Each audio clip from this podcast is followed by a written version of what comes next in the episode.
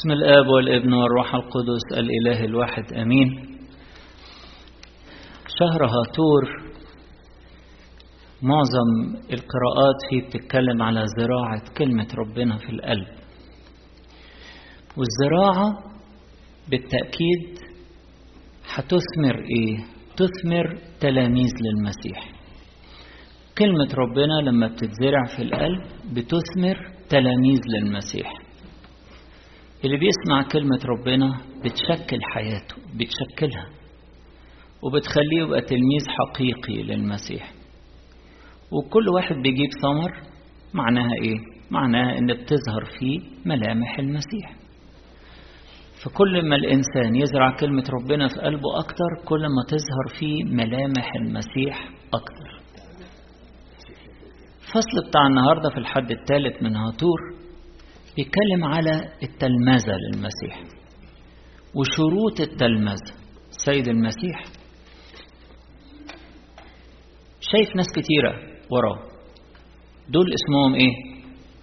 دول اسمهم أتباع تابعين. ما اسمهمش تلاميذ. لكن منهم ممكن يكون في تلاميذ. دول مجرد تابعين. هيصة ماشية وراه. يقول كده جموع كثيرة كانوا سائرين معه. جموع كثير. لكن مين هيكمل؟ مين هتظهر فيه ملامح المسيح؟ مين هيبقى فعلا مرتبط بالمسيح؟ ارتباط حقيقي ويبقى شبهه. ده التلميذ. التلميذ بس. عشان كده السيد المسيح بدأ يكلم الجموع دي يقول لهم إيه؟ لهم ثلاث حاجات اللي هم الشروط بتاعة التلمذة إن كان أحد لا يبغض أباه وأمه وامرأته وأولاده وإخوته وأخواته حتى نفسه لا يقدر أن يكون لي تلميذا مش هيعرف. إن كان أحد لا يحمل صليبه ويتبعني فلا يقدر أن يكون لي تلميذا برضه مش هيعرف. وإن كان أحد لا يترك جميع أمواله لا يقدر أن يكون لي تلميذا. هتلاحظوا هنا السيد المسيح مش بيطفش الناس ولا بيحط لهم شروط ولازم يستوفوها. لا هو بيساعدنا عشان نبقى تلاميذ فبيحط لنا الشروط الأساسية عشان نبقى تلاميذ. من غير كده مش هنعرف نبقى تلاميذ. ممكن نحمل الاسم ونبقى أتباع لكن مش هنكون شبهه. مش هنبقى تلاميذ حقيقيين ليه؟ فهو عايزنا طبعا كلنا نبقى تلاميذ. وعن الجموع الكثيرة دول عايزهم كلهم يبقوا تلاميذ. فبيلفت نظرهم لأهم الشروط اللي الواحد لازم ينتبه ليها جدا وإلا مش هيعرف يبقى تلميذ. والثلاث شروط زي ما شفناها دلوقتي المحبة الكاملة لربنا. الحاجة الثانية الاستعداد لقبول الآلام وحمل الصليب. والثالث حاجة الاستعداد للتخلي للتخلي عن كل أمور العالم. واحد يبقى عنده استعداد يتخلى. يترك. ثلاث شروط مهمة خالص. السيد المسيح عايز يساعدنا. فبيقول لنا كده. أول حاجة لازم علشان تعرفوا تبقوا تلاميذ يبقى في محبة. حب يملى القلب. حب يملى القلب. أكثر من أي نوع تاني من الحب. حب كبير يحتوي فيه الحب للآخرين. الأب والأم والزوجة والأولاد وال... دول جوه الحب الكبير. دول مش حب مختلف. دول مش حاجة صنف مختلف. لا ده ده الحب الكبير بتاع المسيح اللي بيملى القلب. وبعدين جواه أحب الناس كلها. لكن إذا كنت هرتبط بمحبة عاطفية مع أي حد خارج محبة المسيح دي معناها ان أنا مش هعرف أكون تلميذ للمسيح. عايز كده. التلمذة عايزة كده. حب. حاجة التانية استعداد لقبول الآلام. الطريق بتاع المسيح في صليب. اللي ما عندوش استعداد ياخد الصليب ويمشي ورا المسيح وعنده استعداد يشيل ويتألم ويتظلم وممكن يتحمل حاجات يعني نتيجة ما فيش أخطاء هو عملها. اللي ما عندوش استعداد لكده مش هيعرف يكون تلميذ. لأن السكة بتاعت المسيح فيها صليب رابطنا كلنا بيه. اللي ما عندوش استعداد يشيل الصليب ده بيفصل نفسه عن المسيح. واللي وعنده استعداد بيلاقي نفسه مربوط بالمسيح. ماشي في طريق الحياة الأبدية. ماشي في الطريق الضيق بس أمان. أمان ومنور.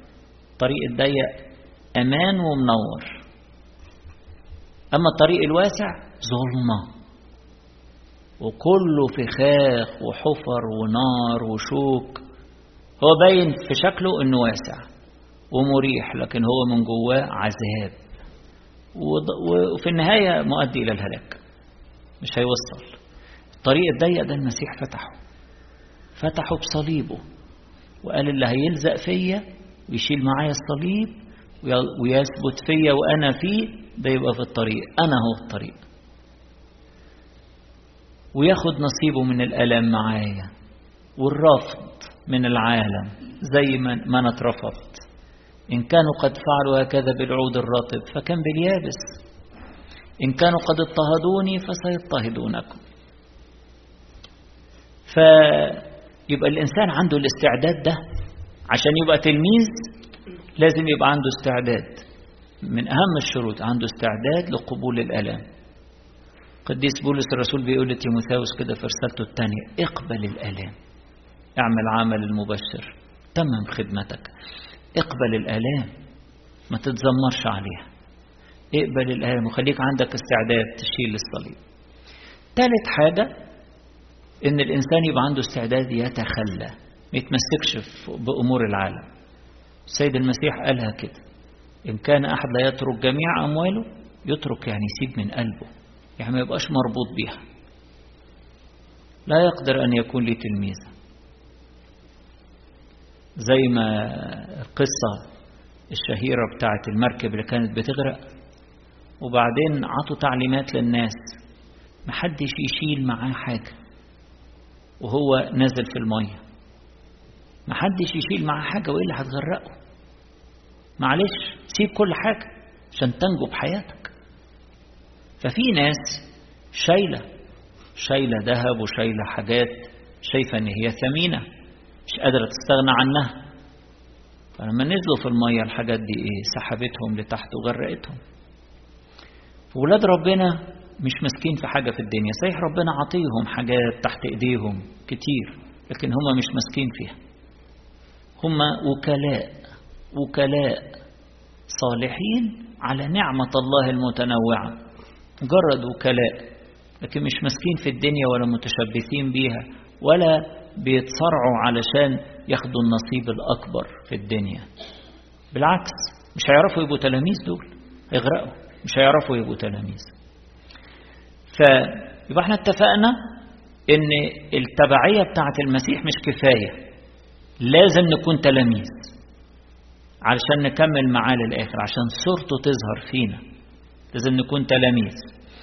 والمسيحية منهجها كده التلمذة. اذهبوا وتلمذوا جميع الأمم. اذهبوا وتلمذوا.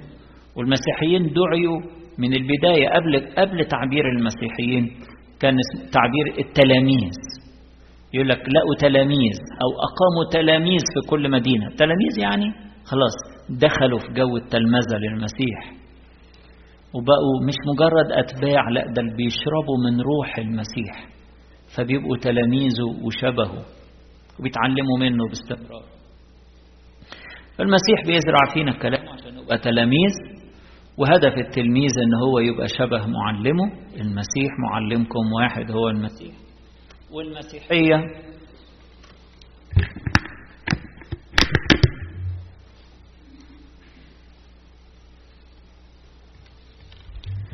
منهجها التلمذة زي ما قلت والسيد المسيح مهتم جدا إن إحنا نكون تلاميذ ليه مش مجرد إيه؟ تابعين. بعد كده السيد المسيح علشان يقرب لنا الفكرة بشكل عملي حط ثلاث إيه؟ تشبيهات. ثلاث تشبيهات. تشبيه البرج في وسط كلامه. تشبيه البرج اللي بيبني مبنى كبير عالي وتشبيه الحر وتشبيه الملح. ثلاث تشبيهات. إيه وجه الشبه بقى؟ البرج قال كده. اللي بيبني برج لازم يكون عنده إيه؟ مجهز كل المؤونة والاستعدادات عشان يكمل. مش يبني شوية ويقف. يتبع المسيح شوية وما يبقاش تلميذ فيسيبه.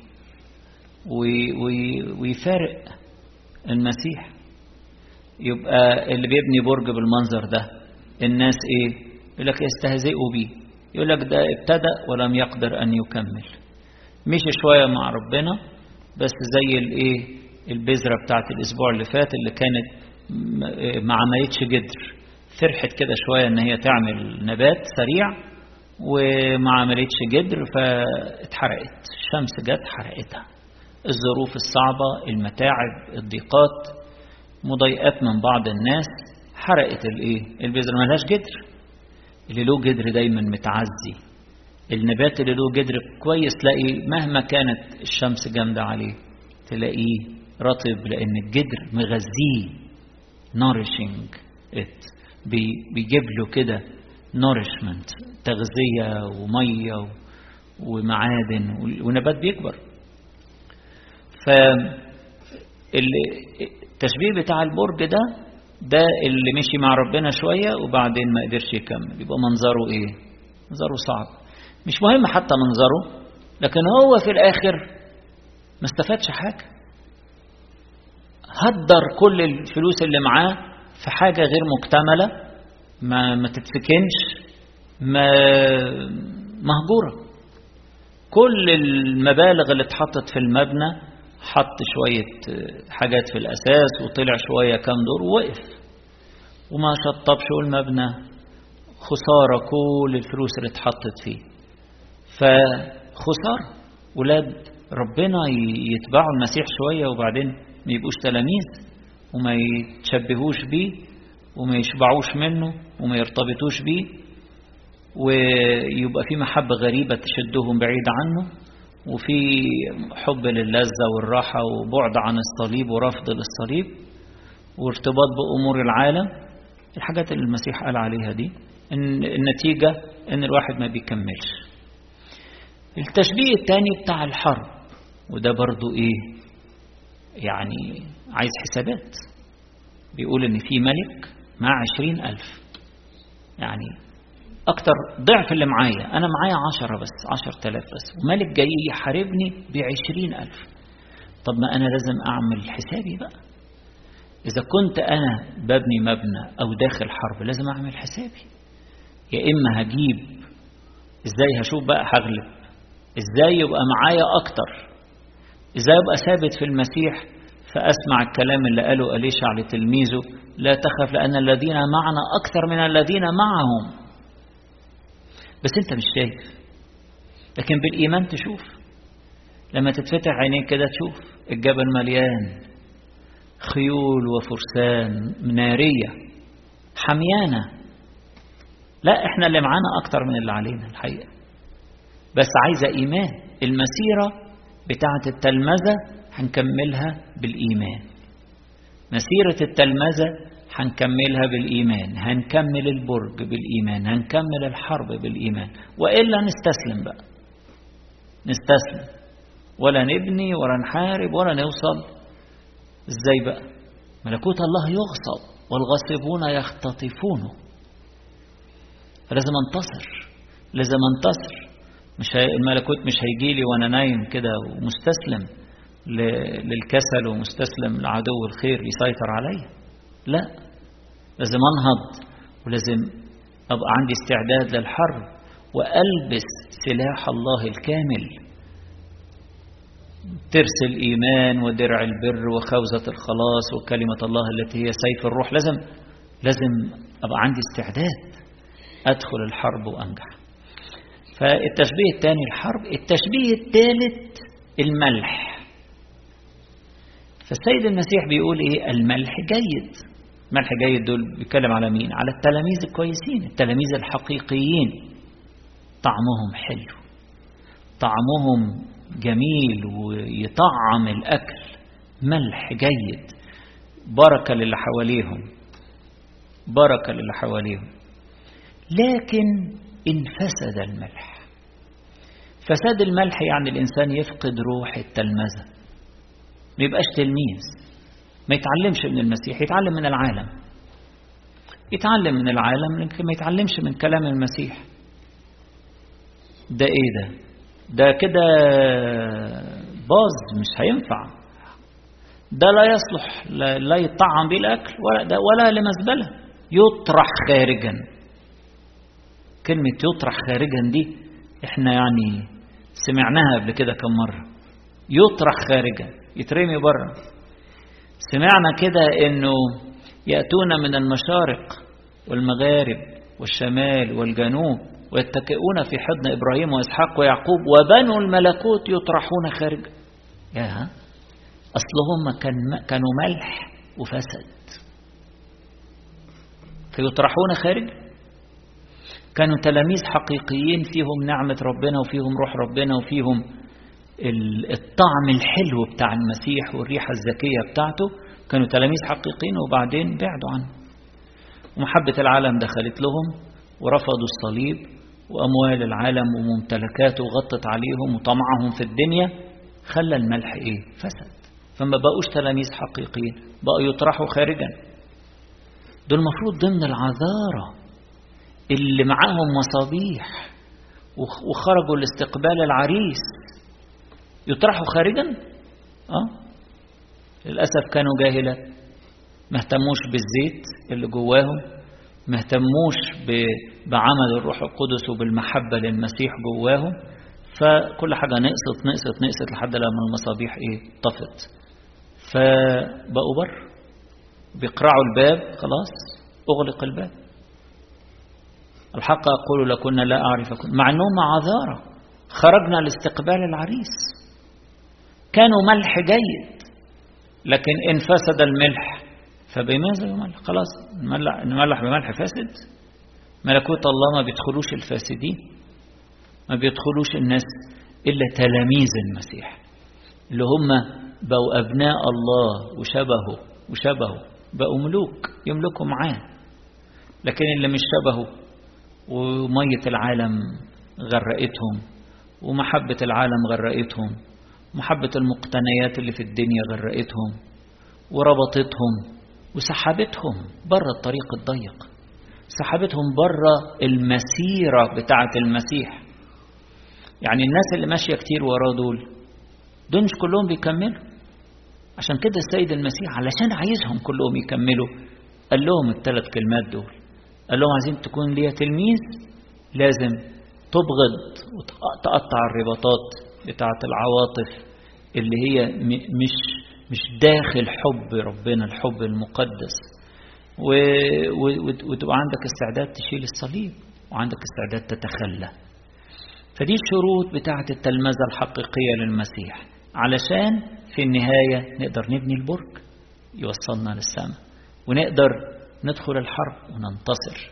ونقدر نكون ملح جيد وفينا طعم الله طعم كده إلهي. ريحة المسيح الزكية. فينا النعمة اللي هي بت بتخلينا بركة للعالم كله. ونبقى ملح جيد ونستحق إن إحنا نكون وارثين للملكوت ولربنا كل مجد وكرامة إلى الأبد.